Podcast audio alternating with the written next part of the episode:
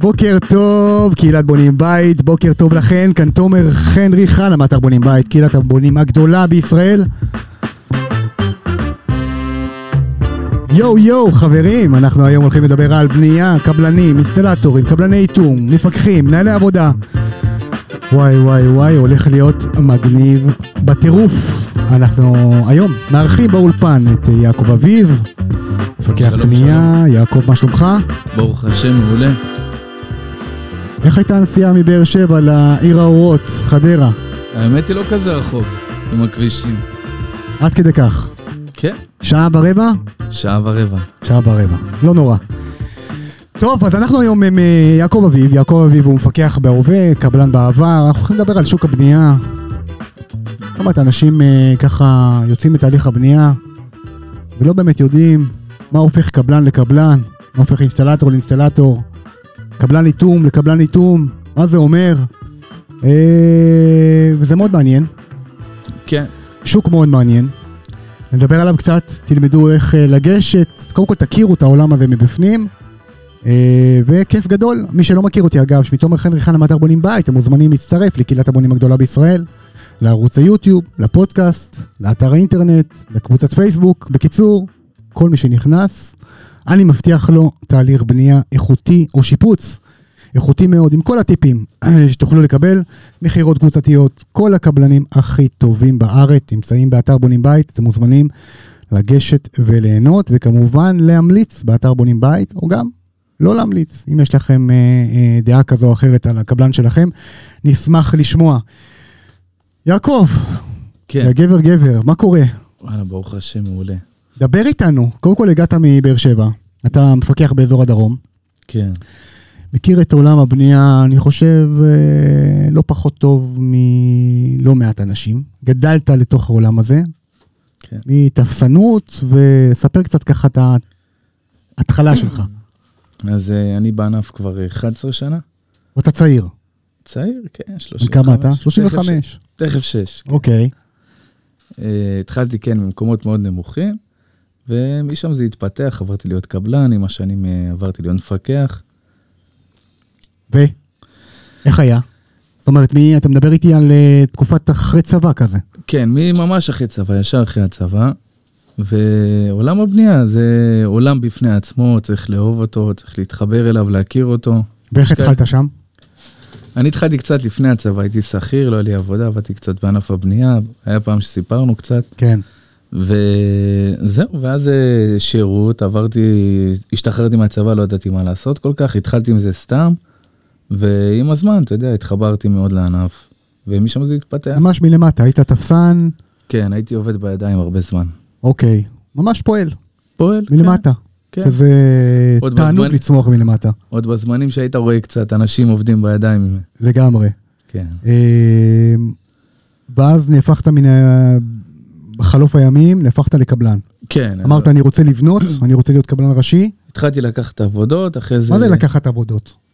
בעצם אתה כאילו בונה, אני באותו זמן אה, שהשתחררתי מהצבא, הציעו לי לעבוד, כי היה לי קצת רקע. אז עשיתי איזה עבודה קטנה של תוספת, ומשם פה לאוזן, מה אתה עושה, איך אתה עושה, אתה רואים אותך בחומר בניין, השכנים, כל אחד רוצה לעשות משהו, וכן, לקחתי עבודות. אחרי בגלל- כמה שנים שהיית ככה פועל, אחרי, בסביבות השנתיים פלוס, אוקיי, התחלתי לקחת, לפני הצבא, אחרי זה לקחתי עבודה אחת של אח של חבר, ואז משם התחלתי, התחלתי לעבוד. מה זה אומר להפוך לקבלן, תכלס בישראל? זאת אומרת, אנחנו בעצם בשוק, אחד, לדעתי, אחד הענפים הכי פרוצים שיש. זאת אומרת, אם אתה עכשיו רוצה להיות קבלן, אוקיי, אתה פשוט, אה, היום בעידן של היום זה קצת שונה, אתה מפרסם את עצמך ברשתות, בדרך כלל, או דרך אה, אדריכלים, מהנדסים, כאלה. להוציא את הרישיון, אתה יכול לקחת מהנדס, ו- מהנדס והנדסאי, ואז אתה בעצם מגיש לרשם במהלך בערך שנה, עם עורך דין טוב אתה מקבל רישיון של קבלן. אוקיי, ואתה פשוט אה, קבלן. הבנתי. התהליך של הרישום קבלן זה תהליך קצר או תהליך ארוך? התהליך של הרישום, היום יש המון עורכי דין שמפרסמים, בוא נגיש לך קבלן רשום. הם אומרים לך אוקיי. בדיוק מה לעשות, ממש, כאילו, את הטופס טיולים שאתה צריך לעשות לקבל רישיון, ובין חצי שנה לשנה אתה מקבל את הרישיון. ואז אנחנו מדברים עוד אה, על אנשים שעובדים עם רישיון, כן? אם לא, אתה פשוט אה, מוצא צוות, שזה לא בעיה למצוא, בשכונות של אתרי בנייה, ואתה רק צריך להשיג עבודות, ואתה למחרת קבלן. וואלה, כן, קל, פשוט. קל מאוד. אה, ואתה לא צריך להיות הנדסאי, משהו, לא יודע. אתה צריך בעצם שהנדסאי או מנהל עבודה יחתום לך חתימה אחת וחתימה שנייה מהנדס. אוקיי. אז אתה צריך להעסיק שכירים? מה, מה, מה אתה עושה? אתה קונה חתימות. יש אנשים שיש להם עבודה במקום אחד, אוקיי. והם יכולים לחתום לך. הם, אתה יודע, גם מרוויחים מזה, חותמים. שבעצם הם, אבל הם, אין להם שום נגיעה לפרויקט. אין להם שום נגיעה, הוא עובד בכלל, סתם דוגמה, ברכבת ישראל, והוא חותם לקבלן פרטי. אוקיי, כשהוא לא רשום כאילו הקבלן. בשביל שהוא יהיה רשום, הוא חותם לו לטובת הרישיון. הבנתי. אוקיי. פשוט, ואתה למחרת קבלן. כן. גדול. הזוי, כן, אבל זה, ככה זה. אבל אתה גדלת וצמחת והגעת מתוך ידע, זאת אומרת, אה, בתור פועל בנית בכמה וכמה בתים. כן, בניתי למעלה מ-20 בידיים, לא בתור פועל שכיר, בתור עצמאי, בתור אה, שכיר עשיתי כל מיני קשקושים באתרים, או כל מיני סוגים של עבודות אה, די פשוטות. אוקיי, ופה בעצם נולד השוני בין הקבלנים. יש קבלנים שהאבא היה קבלן, במשפחה יש אה, קבלנים, יש נכון, חברת זה קורה הרבה, יזמות, נכון. הם, זה, שיחת, זה שיחה בבית, הם יודעים לקראת מה הם נכנסים, יודעים לחשב, חלק מהם גם למדו במכללות, השאירו את הידע, הם חיים לתוך זה. ובענף הזה לא רק אה, קבלן, כאילו בניין, גם אינסטלטור חשמלאי.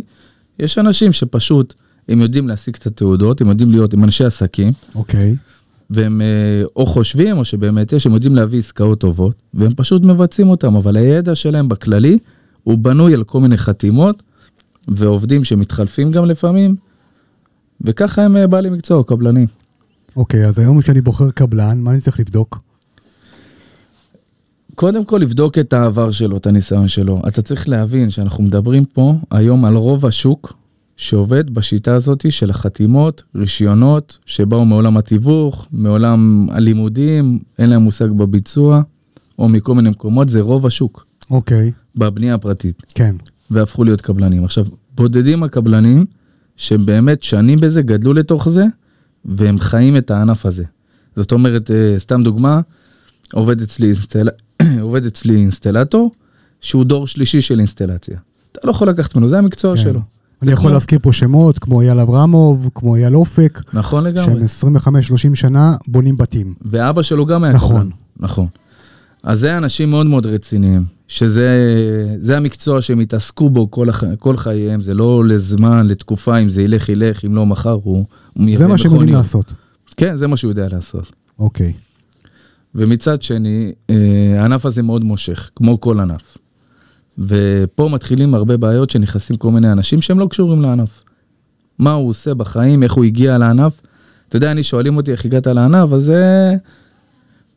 מ- כאילו, אתה יודע, מכורח המציאות הגעתי לענף, לא, כן. לא ששאפתי להגיע לזה, לא חלמתי להיות אף פעם קבלן. זה התגלגל, אבל יש אנשים שהיה להם מטרה, אני רוצה להיות קבלן בניין, איך אני הולך להיות קבלן? כן, בודקים קצת גוגל עניינים, מוצאים את העורכי דין, מגישים, והופכים להיות קבלן. אני לא אומר שהם לא טובים, אין קשר. כן. אבל איך, איך נהיים קבלנים, זה מה ששאלת. אוקיי, זאת אומרת, זה שאתה קבלן רשום או לא רשום, לא אומר כלום על האיכות שלך. לא אומר כלום על הידע שלך בענף. אין, שום, אין לך שום מושג. אז בוא נגיד ככה, עברתי את המשוכה הראשונה של בדקתי, והוא רשום בפנקס הקבלנים, אחלה. כן, עכשיו יש רישיון על תנאי, ויש רישיון רגיל. אוקיי, היום למעשה כולם בביצוע חייבים להעסיק מהנדס. זאת אומרת, יכול להיות שהוא גם למד, והוא מעסיק מישהו שהוא מהנדס. יכול להיות שהוא לא למד כלום, והוא מעסיק הנדסאי ומהנדס ואין לו שום לימודים בענף. אוקיי, ויכול להיות, והוא אגב יכול להיות מישהו תותח שאין לו שום לימודים בענף. אנחנו מכירים הרבה בעלי מקצוע שלימודים לא מדבר עליהם. בדיוק. אבל הם בנאים תותחים. הם אנשי מקצוע בכל מקצועות הענף מבינים טוב, הם חיים כן. ונושמים את הבנייה. אוקיי. אז, אז זה הסוג, אז, אז אוקיי, בדקתי, והוא קבלן רשום, והוא לא על תנאי. איך אני יכול לבדוק אם הוא על תנאי או לא על גם תנאי? האמת, האמת היא שאני קצת חוזר יכול להיות שהוא גם על תנאי, אני אוקיי. כאילו מנסה תוך כדי לייצר, אה, אה, לצייר לי איזה תמונה, יכול להיות שהוא גם על תנאי, אבל מה העבר שלו, איך הוא הגיע לענף, מה הוא קשור לענף, שאלה פשוטה מאוד כאילו. אבל זה קשה מאוד לבונה הפרטי לדעת. תשמע, זה בעיה, כן, איך לדעת, אבל מצד שני, כן צריכים לשאול את השאלות הנכונות. אני שואל אותם כשהם נכנסים לבונים בית, אני עושה להם רעיון אישי, אבל אני אומר לבונה הפשוט, נקרא לזה במרכאות, מאוד קשה. זאת אומרת, זה הרבה המלצות. אני יכול להגיד לך מגיעים. משהו, הפ- כן, המלצות, נכון. אני יכול להגיד לך משהו הפוך, למה בעצם זה משנה לבונה? אוקיי. כי בן אדם שהוא כל חייו יהיה בענף, קח את אייל אברמוב, כן. מותר להגיד שם. כן, כן. זה דור שני או שלישי? שני. הוא. הוא אישית כבר 25 שנה בונה בתים. והוא דור שני, וזה, הוא גם יהיה הוא קבלן עוד צעיר, הוא עשר שנים. בגיל גם 20 בונה. כן, הוא יהיה גם קבלן עוד כן, עשר שנים. כן, אז הוא, זה בן אדם שאני, יש לי כן נטייה לסמוך על סוג אנשים כאלה. כן. קח בן אדם שהוא עכשיו, הוא לפני שנתיים עסק בחקלאות, ועבר עכשיו אה, לענף הבנייה. אני לא יודע אם הוא יישאר שם, אני לא יודע אם הבית שאני בונה אותו, יהיה לי מי לדבר עוד שנה, אוקיי. עוד חמש שנים. יכול להיות שלא ילך לו, הוא יחליף ענף. יכול להיות שילך לו והוא לא ירצה כי זה קשה, אז הוא יחליף גם ענף מהסיבה הזאת. אבל זה לא בן אדם שחי ונושם ויהיה לאורך כל זמן בענף. הבנתי. אז זה לבחור את הוותיקים עם המלצות, ויש, אה, ויש כאלה. כן, יש, אה, יש כאלה, זה לא רוב השוק, לצערי, אבל יש כאלה מאוד איכותיים וטובים שהם הרבה שנים והם יישארו הרבה שנים איתנו בענף והם מבינים ויש יש עם מי לדבר כאילו בשאלות במקצועות שלהם, והם אנשים שהם חשוב להם מאוד השם שלהם. לגמרי. ויש את הצד השני, שאני יודע, שיחה מול בונה שהיה לי לפני שבוע, שהמלצתי לו על כמה וכמה קבלנים, והוא אמר לי, לא, אני רוצה, אני לא רוצה מתווכים. כאילו, אני לא רוצה קבלן, אני רוצה את הקבלן שהוא גם יהיה הפועל. כן, אבל במקרה כזה, אחד אין לך אבא ואמא. אתה לא יודע מחר איפה הוא יהיה. ודבר שני, לא בטוח שאתה חוסך, יכול להיות שאתה חוסך בכסף, אבל אתה לא יודע מה חוסכים עליך, כי האינטרסים פה הם שונים. אוקיי, אתה מדבר פה עם פועלים שבאו להתפרנס על אה, אותה עבודה תקופה מסוימת, והם הולכים, הם לא יהיו קיימים יותר. כן. קשה מאוד לתפוס אה, שירות ולדעת שהכל נעשה על הצורה, על הצד הטוב ביותר. כן, בדיוק. וכן, מאוד קשה. אז גם אם זה עולה לי עוד 50 אלף שקל, שווה, שווה להשקיע בשירות. כי, כי התחרות בענף הזה היא, אני רואה את זה מול הקבלנים, היא קשה. יש מחיר גם שוק. מבחינת המחיר שוק, גם מבחינת המע"מ, כן מע"מ, אני לא נכנס לזה, כן, אבל אני מדבר מה קיים בשוק. וזה קשה. אני- לקבלן שש, שהוא... אני מדבר על קבלנים אמינים, ישרים, שעובדים לפי הספר ומשלמים מע"מ ועובדים, לפ... ממש עובדים לפי הספר, קשה להם להתמודד אה, בשוק הזה. לא קשה להם, הם לא יכולים להתמודד. אוקיי, יפה. אתה יותר נחרץ כן, ממני. חד וחלק. יש מחיר, כן, אוקיי. זה אחד ועוד אחד. יש מחיר שוק. המחיר שוק בארץ נמוך לווילות. זאת אומרת כן, אני שהפרנסה עושה היא תקציבים, אני רואה, אני כן. על אחוזים מאוד בודדים. ברוב המקרים פחות מ-10% רווח. עשרה אחוז, תודה. כן, תודה. וזה מאוד נמוך יחסית לסיכונים שהם לוקחים. מינימום צריך, פעם כל- זה היה יותר, פעם זה היה יותר, כן. היה פעם, 15, פעם, גם, 17, 18 אחוז בערך. פעם גם לא היה מחיר שוק, כי לא היה כזה מודעות מה המחיר. אז כל אחד היה נותן מה שהוא רוצה, אחד שיכול להרוויח 30 אחוז, אחד שיכול להרוויח אה, כן, 10 בדיוק. אחוז, כן, 10 אז היום הם מתחרים בעצם בשוק שהוא... היום חלק בזכותך, כולם יודעים את המחירים פחות או יותר. כשאני מתקצב, אני יודע, תראה, כשאני מתקצב, אני נותן להם גם טווח עליון וטווח תחתון, אני מכין אותם לפרויקט. אני גם יודע להגיד מה המפרט ומה הם צריכים לבקש, כל, דבר, כל דבר כזה מוסיף הרי לתקציב, כי אתה יודע, קבלן שמשתמש ב-WR25 ובטון למרתף, מה לעשות, זה עולה יותר, ומפרט איכותי עולה יותר כסף, אז בסוף, כן. בסוף הבונה לא יודע להבחין בין WR25 לבין בטון אה, רגיל. הם לא רואים את זה, אתה יודע, הכל נכון. מתחבא בתפסנות. כן, בסך הכל את התהליך הזה צריך לעבור בצורה מאוד uh, בטיחותית, טובה, זה מתחיל בלשלם מיסים, לעשות ביטוחים, פועלים רישומים מסודרים, חומרים הכי טובים שיש בשוק, או טובים פלוס, uh, תקנים, לעבוד בשיטות טובות. עכשיו, לפעמים אתה רואה כאילו אנשים שבאמת, הם לא חסר להם, יש להם גם את היכולת לבנות, הם נתפסו על איזו שיטה מסוימת של או שחלילה לא דופקים אותם ומתפרנסים עליהם, אז לא, הרווח הוא מאוד נמוך בענף. לגמרי. ושיטה של לחסוך, כי זה המון כסף.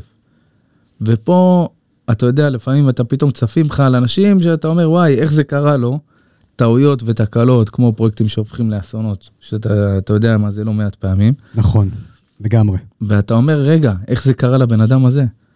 אז כל מי שחורג טיפה מהנוסחה הרגילה לבנות נורמלי ולבנות בשקט, הוא יכול להיכנס לבעיות. על מה? על חיסכון שהוא רצה לחסוך כמה... זה חיסכון שהוא לא טבעי. שקלים. כן, אה? זה חיסכון שהוא לא טבעי. קח למשל את הרבויית הציבורי, הם לא מתעסקים עם זה. הם מתעסקים בדברים הרבה יותר רציניים. זאת אומרת שהוא אומר, בקבלן אה, רשום או לא רשום, אני בטוח לא מתעסק. ביטוח זה חובה, בטיחות זה חובה, חומרים לפי התקן זה חובה. ואז מה שנשאר לו להת- להתעסק מצ- באמת, מצטמצמים האפשרויות. כן, מצטמצמים. ואז הם פתאום באמת עובדים, מתעסקים בסטיות, בתקלות ביצוע שתמיד יש, נכון. בתיקונים, מתעסקים באמת בדברים האמיתיים. נכון. אה, כן, אני רואה פרויקטים, אה, פרויקטים כאלה ואחרים בציבורי. אני מכיר את השוק הזה. אז בעצם לקחתי קבלן, ואיך הוא בוחר את הצוות? איך אתה בתור קבלן בוחר את הצוות? יפה, קבלנים טובים, הם מאתרים צוות. יכול קבלן טוב, למרות שאתה נראה לך הזוי, אבל קבלן טוב יכול לקחת לו חצי שנה עד שהוא מאתר צוות טוב. והוא עצמו, שהוא בעצם המשלם, זה מהכיס שלו, הצוות טוב עולה לו הרבה יותר יקר, הוא ייקח לו חצי זאת אומרת, שנה, אם צוות, אה, סתם אה, פועלים ברמה סבירה, הוא לא יתעסק עולים איתם. אה, 300 שקל יומית, פתאום פועל טוב זה כבר 500, גם 700, גם 700. והוא לא יתעסק עם פועלים לא טובים, הוא ישלם יותר, כי הוא יודע מה הערך של זה. מה זה אומר? אתה גדלת עם פועלים, מה זה אומר. פועל טוב? אותו דבר כמו קבלנים, פועלים, זה, יש מלא מלא מקצועות בתוך הבנייה, יש ברזלן, יש תפסן, יש אה, בנאי, יש אה, רצף וכן הלאה. עכשיו, גם בהם יש פועלים שהיום הוא רצף, מחר הוא בנאי, ומחרתיים הוא תפסן. יש מלא כאלה. אוקיי. והקבלנים הטובים יודעים מאוד לאתר אותם, דרך חברים משותפים, איפה הם גרים, איזה משפחות וכאלה, ודרך, אה, אתה יודע, עין חדה לראות איך הבן אדם עובד. עכשיו, אם קבלן, שהוא באמת, זה עסק, זה לא הבית שלו, והוא ישלם פי שתיים למישהו מקצועי בשביל לא להסתבך, קל וחומר שבן אדם שבונה זה הבית שלו, שצריך לבוא ולהשקיע ולחפש את הבן אדם הרציני והטוב שיש. אותו קבלן שהוא טוב, הוא יכול להיות גם עם צוות טוב וצוות פחות טוב, זאת אומרת, אם יש לו עכשיו צוות שהוא פחות מיומן ובאמצע ההליך והוא לא רוצה להחליף צוות, אם הוא קבלן רציני וטוב על אלה שאנחנו מדברים כן, עליהם, ברור. הוא פשוט יישב עליהם. הוא יבוא וילמד איתם וידבר איתם על הדברים, איך לעשות את הדברים הקטנים, איך לשים את הלוח, איך לשים את הטיט, כמה לשים, איך למתוח את החוטים. ובצוותים. המקצועיים יותר, הוא, הוא כבר סומך עליהם, הוא יבוא אחת לזה, לראות שהכל, אה, אתה יודע, כן, מתקתק. בצוותים המקצועיים הם כבר יעשו את הבית ספר של הבנייה כן. בפועל בתכלס, והוא יותר יסתכל אה, מלמעלה. כי הם כבר יודעים, אין לו, אין לו יותר מדי מה ללמד אותם. הבנתי. אז זה שאני בוחר קבלן ראשי טוב, אוקיי? זה לא בהכרח שאני מפסיד בתור לקוח. לא. קודם כל, הוא תמיד ישמור על השם שלו, והוא גם יפחד על הרישיון שלו, יפחד גם על החתימות שלו. מה זה יפחד? הוא לא ירצה להיכנס נכון. לזה. ודבר שני, הוא גם אם הצוות לא הכי טוב, הוא יש לו את היכולות ללמד אותם ולהפוך אותם לצוותים יותר טובים. הוא פשוט הופך להיות סוג של מנהל עבודה. ועם הפועלים צריך, אה, חס וחלילה לא לפגוע בהם, אבל לפעמים צריך להיות איתם יד קשה. בתור קבלן.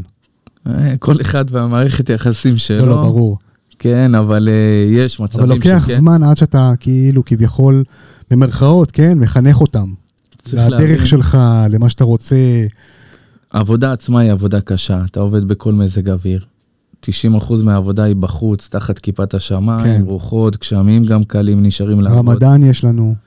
כן, צומות, כל המסביב, התנאי שטח הם לא, לא מאוד כיפים, זה באותו יום, באותו מקום למשך לפעמים חודשיים, שלוש, זה גם מעייף. אז כן, הכוח, האנשים שעובדים ב, בידיים זה אנשים קצת חזקים, אפשר לקרוא להם. כן. שהם, אה, תחשוב, בן אדם עובד 10-15 שנה בבניין, עובד בחוץ, ב, בתנאים כאלה, שלפעמים אתה, כאילו, דייר מגיע, הוא לא יכול להישאר שעתיים בשטח, רק כשהוא עומד, הוא לא עושה כלום, כי זה מעייף. אז זה עבודה מאוד מאוד קשה, התנאי מזג אוויר תמיד משפיעים, חורף, קיץ, והיא עבודה סיזיפית, בידיים, פיזית, לא נעימה, לא מכבדת. אז כן, המשמעת היא שונה, מערכת יחסים היא שונה.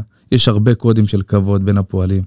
אתה לא יכול סתם אה, לבוא, לזרוק למישהו משהו, יכולים להיפגע מאוד מהר. הכל כאילו במינון מסוים, בקודים מסוימים. שפה מסוימת מאוד. שפה מסוימת, כן. אני תמיד אומר לשמור על כבודם של האנשים, קודם כל בני אדם לפני הכל. הם, אה, זהו, הם בונים בסוף את הבית. ובסוף, בסוף, בסוף אין קבלן שמפסיד. אין חיה כזאת. אני אומר, מה שזול, עולה ביוקר. מה שזול עולה ביוקר. למה? לחסוך- תסביר את זה מתוך, ה, מתוך התכלס. כי אתה בתור קבלן, שאתה מקבל פרויקט שאתה ממש גבולי בו. תשמע, לפעמים אני חושב כמה פעמים כדאי לדבר על ה... כמה כדאי להתעמק בנושא הזה. קבלן שהוא רוצה לחסוך, יש לו על מה לחסוך. כן.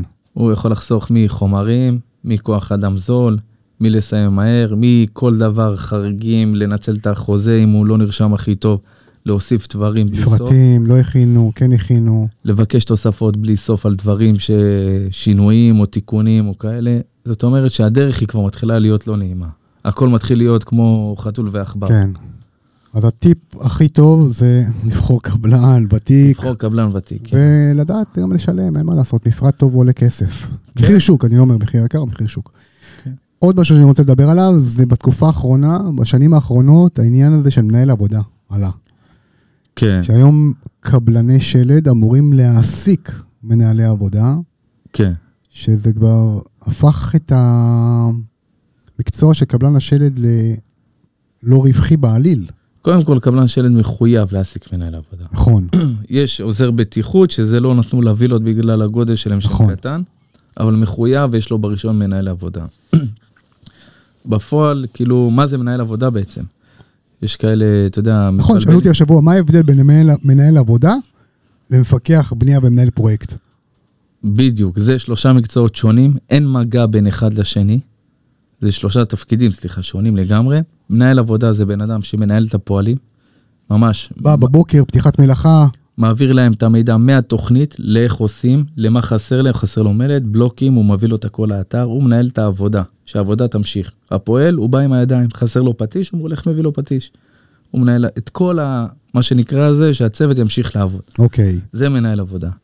מנהל... שמה מה מצריך אותי בתור פרט, סיימתי הנדסאי בניין ואני רוצה להיות מנהל עבודה, מה זה אומר? קורס מנהלי עבודה. של משרד העבודה, כן, שזה קורס של שנה בערך. בערך, כן. ואתה צריך ללמוד, ואז אתה לומד גם לוגיסטיקה, גם... אה, זה קורס לא פשוט, זה קורס לא פשוט, אה, כן. נחשב. גם הקורס עצמו, בינו לבין השטח יש קצת פערים כן, מדהימים. ברור, אתה יודע, אבל- אנחנו, זה, אבל זה בסיס, זה בסיס, זה אה, בסיס טוב. שצריך לעבור אותו. חייב לעבור אותו בשביל כן. להיות מנהל עבודה. וזה מנהל עבודה. כן, יש ו- מנהל פרויקט. מה זה נכון. מנהל פרויקט? הוא לא מעניין אותו, העובדים, כולם עובדים. הוא מנהל את כל האופרציה הזאת שנקראת בניית הקבלנים. הוא מתזמן את החשמלאים, מתזמן את האינסטלטור, תיאום. מתאם, כן, מתאם את הדברים. אה, שינויים עוברים בדרך כלל דרכו.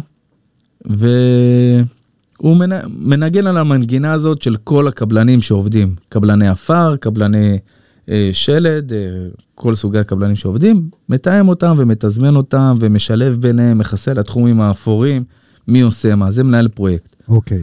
שהוא בעצם אמור להגיע כל יום לאתרים. עבודת שטח, כן, באתרים גדולים הם יושבים שם, במשרדים, באתרים קטנים או מיני כאלה כמו וילה אחת בודדת, אז הוא, הוא צריך מינימום אז שלוש יש פעמים בשבוע. לו בערך חמישה פרויקטים נגיד במקביל, והוא מטייל ביניהם ברמה היומית. כן, הוא מתאם את כל המערכת הזאת. הבנתי. כן. שזה ההבדל בין מנהל עבודה למפקח בנייה. זה ההבדל בין המנהל- מנהל עבודה למנהל פרויקט. כן, מנהל פרויקט בדרך כלל זה בא יחד עם פיקוח בנייה, בדרך כלל בבנייה הפרטית זה ביחד. כן. אלא אם כן לוקחים קו למפתח, ואז מייתרים את הצורך של ניהול פרויקט. לצורך. העניין, בבנייה הפרטית, מנהל עבודה הוא מטעם הקבלן. זה התעסקות של הקבלן, הוא מנהל את העבודה של עצמו. כן, אבל מנהל בפועל, פרויקט, אבל בפועל, בוא ניקח אותך למטה, בפועל אתה היית שם, קבלן יש לו רווח, 12 אחוז, 10 אחוז, 15 אחוז, לא משנה. ברגע שהוא מעסיק מפק... מנהל עבודה, שמנהל עבודה הוא לא מרוויח אה, 7,000 שקל בחודש, הוא מרוויח 20, 25, כן, זה כבר לא משתלם לו, הוא צריך כן. כאילו להעסיק אותו על חמישה פרויקטים. כן. והוא גם פוגע בעצמו, אם המנהל עבודה שלו לא טוב, הוא לא...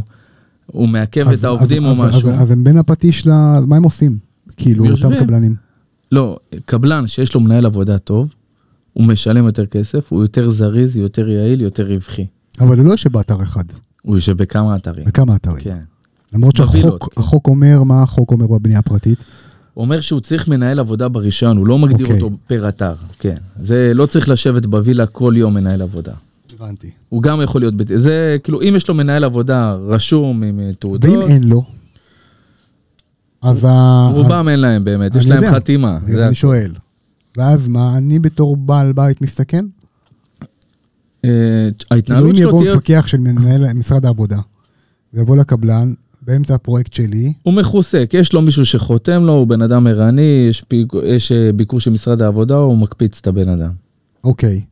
אבל אם אין לו בכלל, לא, אם אין לו בכלל, יכול להיות שלא יהיה לו רישיון גם. אז הוא מסתכן פה. כן. אז אני בתור לקוח יכול, אני צריך לבקש מהקבלן שלי, לשאול אותו אם יש לו מנהל לראות את עבודה. הרישיון, לראות מי המנהל עבודה, כן. הבנתי. אוקיי, מגניב. ויש מפקח, מה זה מפקח? הוא נכנס, מוציא דוח, אה, מן הסתם, מה טוב, מה לא טוב. בגלל זה היום בווילות לא מתאים רק פיקוח, מתאים פיקוח וניהול פרויקטים. למה? אגב, הניהול פרויקטים הוא 70% מהעבודה, אם לא 80% של מפקח. נכון, הניהול. זה התיאומים, הירידה לפרטים הקטנים, זה לקחת שינויים שנעשו ברגע, להעביר אותם לאדריכל, למעצבת, להחזיר אותם לקבלנים, לבדוק שזה נעשה. הניהול הוא מאוד קשה.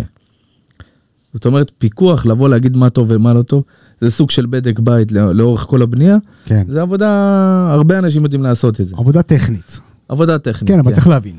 צ- ברור אתה שצריך צריך להבין. לדעת לראות ליקויים כדי להבין שזה ליקוי. כן, הרי ל- לראות משהו ישר או עקום זה עניין של עין, אבל להבין איך המערכת עובדת, או אם יש תקלה, מאיפה היא, ב... מאיפה היא נובעת התקלה, זה באמת צריך להבין. אם לא קשרו ברזלים בצורה נכונה, אם לא תפסנו בצורה נכונה, זה צריך להיות עם ניסיון כדי לראות את הדברים האלה. מי שחי את הבנייה כבר מכיר את התקלות, כן, כי הם בדרך כלל תקלות שחוזרות על עצמם, והוא יודע להצביע מאיפה היא הגיעה, הוא יודע להצביע גם למי זה קשור, באיזה שלב היא נעשתה התקלה הזאת, יש לו, כן, הב- הבנייה עצמה, הניסיון, מביא הרבה ידע. לגמרי. לגבי אינסטלטורים, בוא נדבר קצת. גם אינסטלטורים, יש גם היום קבלן, היום כל השוק עובד עם קבלני משנה. אין כמעט פועלים יום, כאילו על בסיס יומי. כי לא שווה כלכלית להחזיק אותם. כן, כי זה, אין מספיק עבודה, אתה לא יכול לייצר מספיק עבודה כדי להעסיק שכיר. כן, זאת אומרת פעם, לפני הרבה שנים שהיה קבלן, לא היה מה זה קבלן שלט, קבלן מפתח, היה קבלן, שהוא ברור שהוא קבלן מפתח, הוא גם עושה עבודות מפתח, והוא היה לו פועלים קבועים, שהם עושים אצלו כל מיני דברים. הם יכולים יום אחד לתפסן, ואחרי חודשיים לרצף. אבל זה פועל לבניין. עם השנים המקצועות התייחדו, גם העבודה נהייתה יותר קשה. לא כל יותר פועל יכול... מערכות, יותר... יותר מורכבות, דיוק, כן. יותר אה, חומרים קשים, היום זה לרצף, זה יש מטר עשרים על מטר עשרים זה כבר נהפך לסטנדרט. גדלים, כן. סטיות, הרמה יותר גבוהה, אז מחפשים אנשים שרק מרצפים, להתקין שי זה רק מתקיני שי, שהכל נהפך כאילו לרמות דיוק מאוד גבוהות. אז גם אותם המקצועות הם ככה, ואז התחילו להיות קבלנים, כי בן אדם שסתם דוגמה מתעסק רק בטיח, אז הוא קבלן טיח. עכשיו, במיוחד בגמרים שאין את הרישיונות, לא צריכים, בשביל להיות טייח אתה לא צריך רישיון, אין כזה דבר רישיון טיח. יש רישיון שיפוצים, קבלן שיפוצים או קבלן כאלה. וכמו שאמרת, ששאל אותך מישהו שהוא לא רוצה שיהיה מתווך באמצע, אז הוא גם, אז הוא לוקח קבוצת טייחים. עכשיו, הקבוצות האלה הן מפוזרות, אתה יכול לקחת אותן מכל מקום. אוקיי. שפעם לא היה את זה נגיד. כן. וככה מתגלגלים הדברים. שעובדים רוב השוק גם בלי קבלנים. עובדים פשוט מול רצף. הוא עשה קבלן שלד, קבלן טוב, רשום הכל. ואתה יכול לקחת טייח, אין לו בכלל חשבוניות, אין לו בכלל ביטוחים כמובן, אין לו רישיון, והוא פשוט, הוא יודע לטייח. או שהוא יודע לעשות אינסטלציה. כן. גם שם אין רישיון. באינסטלציה יש לך הם- יש קורסים. אה, קורסים של אה, משרד חברת... התמ"ת. אה, כן, התמ"ת, הולכים השתלמויות כן. ב-SP. ב- יש השתלמויות למי שרוצה, כן, נכון. מזמינים אותו החברות נכון. לבוא לעשות את ההשתלמויות. אבל לא חייב גם שיהיה לו מקצוע, לא חייב כאילו שיהיה לו תעודה, והניסיון שם מאוד חשוב. עזוב שזה מערכות מים, אינסטלציה, איתום זה מערכות קיצוניות. מטורף. חייבים אה, כאילו, לעשות כשלים. שם, אלוהים ישמור. אבל אה, זה, אין לך שום, לא צריך להיות לך שום רישיון, אתה יכול להיות מחר אינסטלטור. או מחר קבלן איתום. כן, פשוט. פשוט מאוד. תתחיל לרתך יריות. כן. לא, אתה תמצא פועל שעבד פעם באיתום או שעובד באיתום, תמשוך אותו אליך, הוא יכול לעשות לך גם אחלה ריתוך יריות, לרתך ממש טוב. כן. אבל אתה בעצמך לא באמת תבין מה צריך.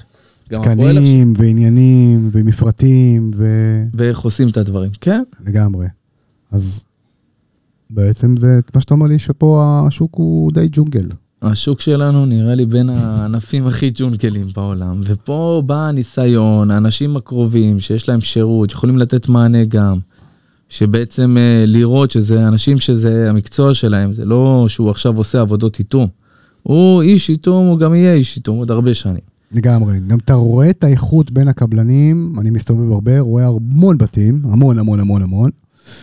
ואתה אתה רואה, אתה רואה נגיד איכות כמו של קבלן בשם אייל אופק. אתה נכנס לבתים שלו ואתה אומר, וואו.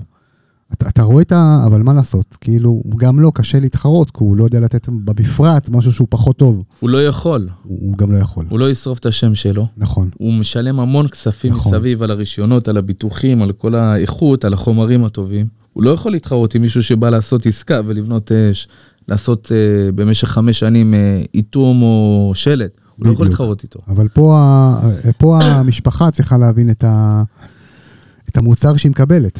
כי זה לא לבוא לקנות רכב GLX ויאללה, נגמר הסיפור. זה כן, זה לא פס ייצור. נכון. אתה יודע, אני ראיתי... אה, ואתה בנית מלא וילות, כאילו, אתה יודע מה זה. כן. היה לי סיפור לא מזמן שבן אדם שהוא גם קצת בענף באיזה משהו קצת אה, שונה, לא בביצוע עצמו, אבל הוא בענף, הוא מספק שירות, והיה לו תקלה מאוד גדולה בבית. ואתה יודע, אתה אומר, רגע, איך, שנייה, הבן אדם הזה, כל החברים שלו, קבלנים, אינסטלטורים, חשמליים, איך, איך זה קרה לו? אתה יודע, משהו קיצוני קצת. ואתה בדיוק חוזר שהוא לקח אנשים שהם לא באמת קבלנים. נגיד, אה, סתם דוגמה, קבלן חשמל, הוא לא באמת חשמלאי, הוא כמו שדיברנו עכשיו, הוא עשה איזה עסקה והוא נהיה כבר כמה שנים, הוא עושה, הוא עושה עבודות חשמל. הוא ליד, ליד. כן, הוא ליד, יש לו צוותים, חלק מקצועיים יותר, כי ב, סתם דוגמה, בחשמל, זה מחולק, יש צוותים שעושים את ההכנות ליציקות, יש הלוחות, יש את הזה. כן, נכון. את הלבן, ויש כאלה שעושים נכון. את השחור. בדרך כלל בבית עובדים בחשמל שלושה צוותים, נכון. לא צוות אחד מסיים. החציבות, את הלוחות ואת ה- כן. את השאר. ואז אתה אומר, כאילו, אתה יודע, יש איזה משפט, כאילו, שאין עיוור יותר גדול מאדם שמתעקש לעצום את עיניו. הרי היום, ב-2022, כולם יודעים מה צריך לעשות. יודעים, יודעים מה צריך לעשות.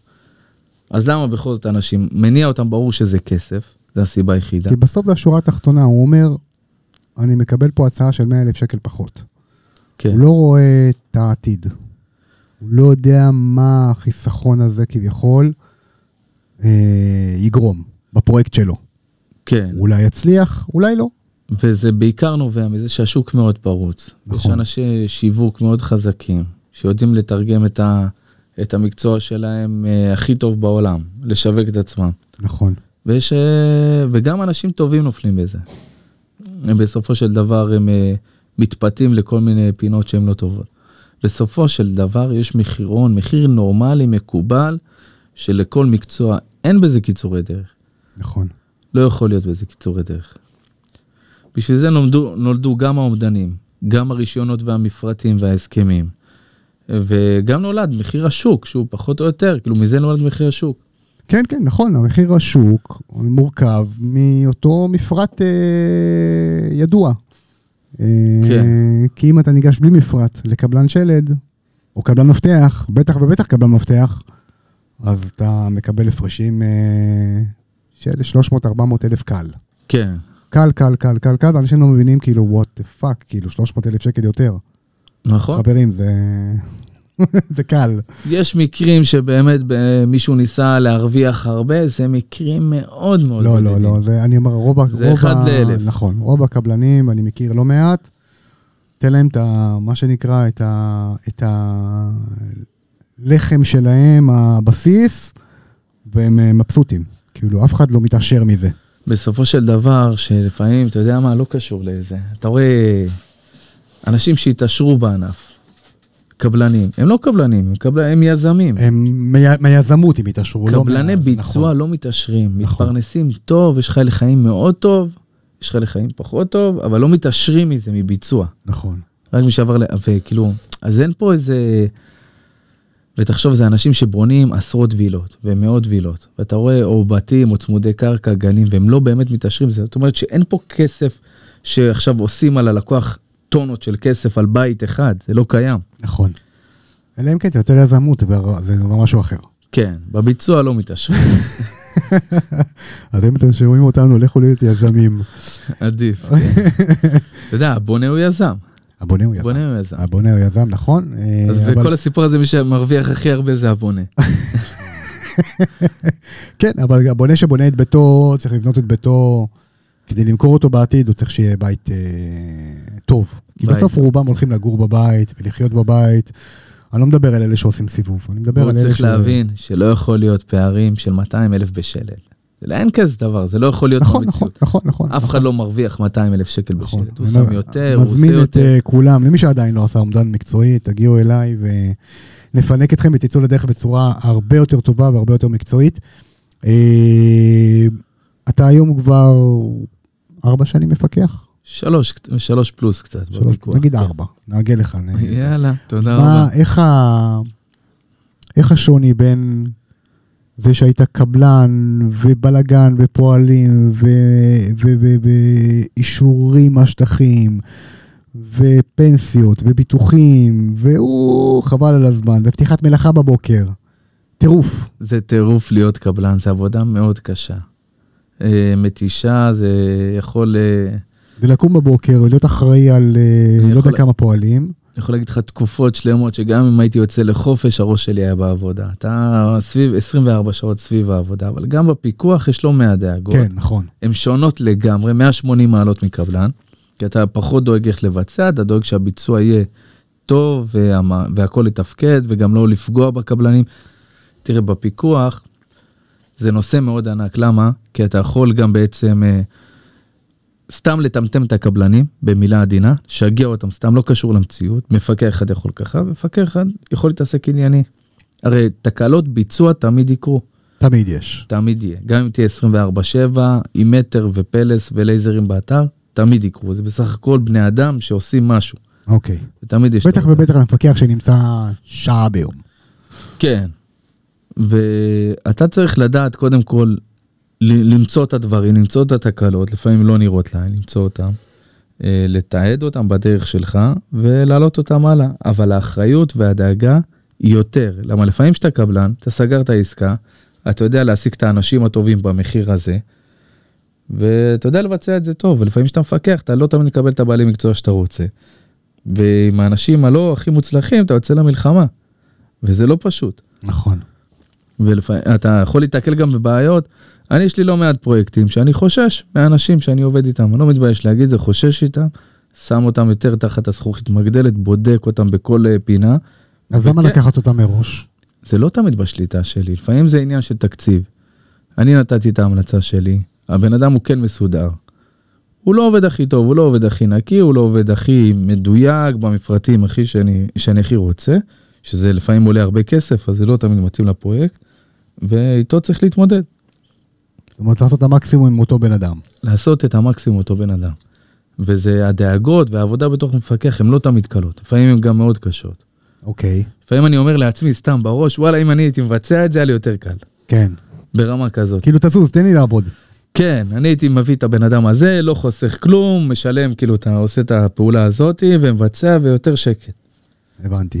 אבל יש אה, מפקחים שיגידו ויגידו, שיאמרו ויבואו ויגידו, אה, תשמע, קח את הטובים ביותר, למה אתה צריך להסתבך? כאילו, זה התקציב. אה, למה לקחת אה, בעצם בעל מקצוע שהוא באמצע?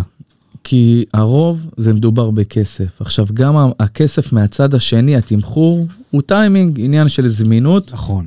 הזדמנות של- עסקית בעצם. כן, עניין של אזורים גם, ו... ועניין של תקופות. אתה עכשיו נמצא בתקופה מטורפת, אנחנו הוצאנו לאנשים אומדנים לפני חצי שנה שהם לא רלוונטיים להיום. נכון. עכשיו, אותו, אותו בונה, עם האומדנים האלה הוא רוצה, הוא צריך לרוץ. אין מה לעשות, כאילו, פתאום הוא רואה עלייה של 20 אחוז, 15 אחוז, זה הרבה כסף. זה בלאגן. מה התקופה של השנה האחרונה בענף מטורף. שלנו? מטורף. כן. נכון, אני יכול להגיד שאני כל שבוע מקבל מכתב. כל הזמן. זה עלה ב-10 אחוז, זה 12 אחוז, זה 6 אחוז, זה 3 אחוז. האלומיניום עלה בדצמבר, ב-12 לדצמבר, ובתחילת ינואר. 40 אחוז סך הכל כן. עלה אלומיניום בחצי שנה. תחשוב, תחשוב כמה כסף זה, בית 100 אלף, 140 אלף. פתאום, מטורף.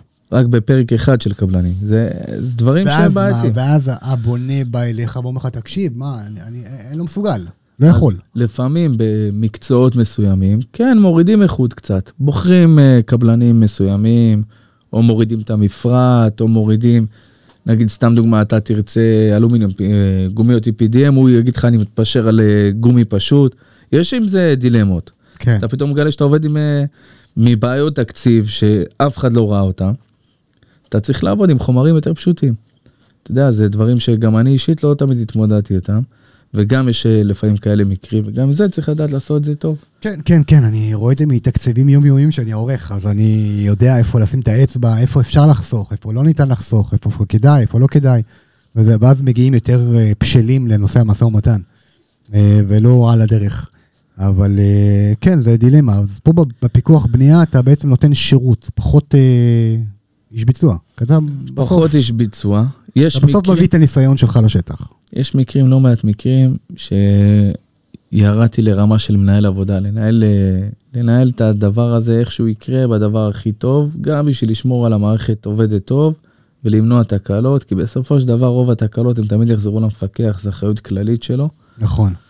ויש מקרים, כן, שאתה ממש יורד להיות מנהל עבודה, שזה בתחתית הרשימה של מפקח, מנהל פרויקט, מנהל עבודה. מנהל עבודה הוא ממש בשטח. יש מקרים כאלה גם. מרגש. בוא, אני רוצה לסיים עשרה טיפים. או-אה, איזה התקלה. יפה. עשרה טיפים לסיום של אה, אה, לבונה הפרטי או למשפץ. מה כדאי לעשות בכל ההליך? בכל ה... על מה בעצם הטיפים של הטיפים הזהב שלך, אוקיי? זה נקרא לזה הטיפים של אה, יעקב אביב לתהליך הבנייה. אני אומר לך אותם, אבל בלי סיבה, בלי למה. בלי למה, אני אגיד למה. אוקיי. בסדר? טיפ ראשון. טיפ ראשון, לק... לעשות אומדן. רגע, אז לא, לא צריך להגיד למה. לא צריך להגיד למה. הלאה, טיפ שני. הסכמים מותאמים לבית ומסודרים, טובים, עם מישהו מקצועי בענף. חובה. חובה. כדי להשוות תפוח לתפוח. כן. פצצה. טיפ שלישי. לקחת... איך התקלתי אותך, יאללה שלנו. לקחת מפקח בנייה. טוב, מישהו טוב. אוקיי. המלצות, דיברנו על זה בפודקאסטים קודמים, גם לא איתך, גם עם אנשים אחרים. תקשיבו, לגמרי לגמרי חשוב, מפקח בנייה, לגמרי שם, טוב, אני מדגיש, טוב. כן. טיפ רביעי. לקחת את כל הבעלי מקצוע רשומים עם רישיונות וביטוחים. כל הניירת של הבעלי מקצוע מסודרת. לא, לא לוותר על זה. לא לוותר על זה, כן. טיפ חמש. ביטוח פרטי. לבטח... ביטוח קבלני. ביטוח עבודות קבלניות שהבונה עושה אותם, לא מתייחס לקבלנים עשו, לא עשו, שלא, לכל מהלך הבנייה. לגמרי, אתם מוזמנים לאגם פתרונות איך בונים בית, לגמרי חשוב. שש. אה, נגענו בביטוח, נמשיך אותו, לכסות את כל נושא הבטיחות. זאת אומרת, לא לתת לעבודות לקרות בלי בטיחות, בלי נושא בטיחותי. זאת אומרת... אה, פיגום, תביא אישור על הפיגום, הבנתי, שהוא תקין. הבנתי. כן, או, או פועלים עובדים לגובה, לוודא שיש להם הדרכות בגובה. זה לא יעזור ביטוח אם אין להם. לגמרי, ואני ואתה מכירים uh, מקרוב מאוד. המון פציעות. שבע. שבע, רגע, תן לחשוב, רגע. אה, אני יכול לחשוב על uh, משהו 아, שהוא... לא, אני יכול כן. להגיד לך בעצם, כאילו, אם אתם עושים ללמוד את התוכניות טוב, לא, לא, לא להביא שינוי גם אם הוא אפשרי בדקה ה-90, זה מעצבן את כולם. בעצם לצאת עם תוכניות סגורות הרמטית לביצוע. כן, זה תמיד, גם אם זה אפשרי, לפעמים אומרים, רגע, מתי אני יכול? עזוב אותך, תלמד, תסיים את מבחינת הבית, שהבית הוא מתוכנן טוב, זהו, אל תיכנס לשינוי, זה תמיד מפריע לכולם ומעצבן את כולם בשטח. לגמרי. מה היינו? שמונה עכשיו? שמונה. שמונה. כן. לבחור את הדברים בזמן. זאת אומרת, כאילו תבחר כמה שיותר מוקדם גם את הצבע של הידית בדלת ההיא ב... מה זה מוקדם? הכי מוקדם, אפילו לפני ביצוע, תבחר את הכל. תדע בדיוק מה אתה רוצה. מסכים איתך במאה אחוז. כן. תשע, תכנון, אדריכל, איכות אדריכל. לא, אני אומר תשע משהו אחר. אוקיי, דבר איתנו. אם הבן אדם סיים את העבודה שלו ומגיע לו הכסף שלו, תעביר לו אותו בזמן. לגמרי, לגמרי, לגמרי. וטיפ עשירי, אולי הכי חשוב, וזה מתקשר לכסף. לא לשלם, לא לשלם מקדמות. לפני. אין מקדמות ולא לשלם על משהו שלא נעשה. זה אין. חוק, חוק, חוק. לא מעבירים כסף על נייר שחתמת. מעבירים כסף על עבודה שבוצעה בבית. לגמרי, אני מזהיר אתכם, זה קורה לא מעט. אנשים, אתה יודע, כאילו, אני לא יודע איך זה קורה. אנשים מתפתים, והקבלנים באים אליהם, ובוכים, ובוכים, ובוכים, ומשחררים, ואז מתחיל לבלאגן. כן. אז חברים, פשי, יאללה, איזה פודקאסט, חברים, יאללה, איך נהניתי, איזה כיף היה. יעקב, תותח, תודה רבה. היה תודה מגניב. אה, חברים, אם אתם, אה, יש לכם שאלות, פשוט אה, תרשמו יעקב אביב, יש לי טלפון באתר בונים בית, או בתיאור של הסרטון כאן, אה, של הפודקאסט. אני, היה לי מה זה כיף, יעקב. תודה. רבה, כן ירבו. חברים, תצאו לתהליך הבנייה בצורה מסודרת, בצורה נכונה, וכשיוצאים בצורה נכונה, באמת, באמת, באמת, החוויה היא מדהימה. רק תעשו כן. את הדברים נכון. אז אני מאחל לכולם אה, המשך שבוע נעים, שנה מוצלחת, שנת בנייה מעולה, ונתראה בפרק הבא. יעקב, תודה. תודה לכם, תודה רבה לך. ביי אנשים.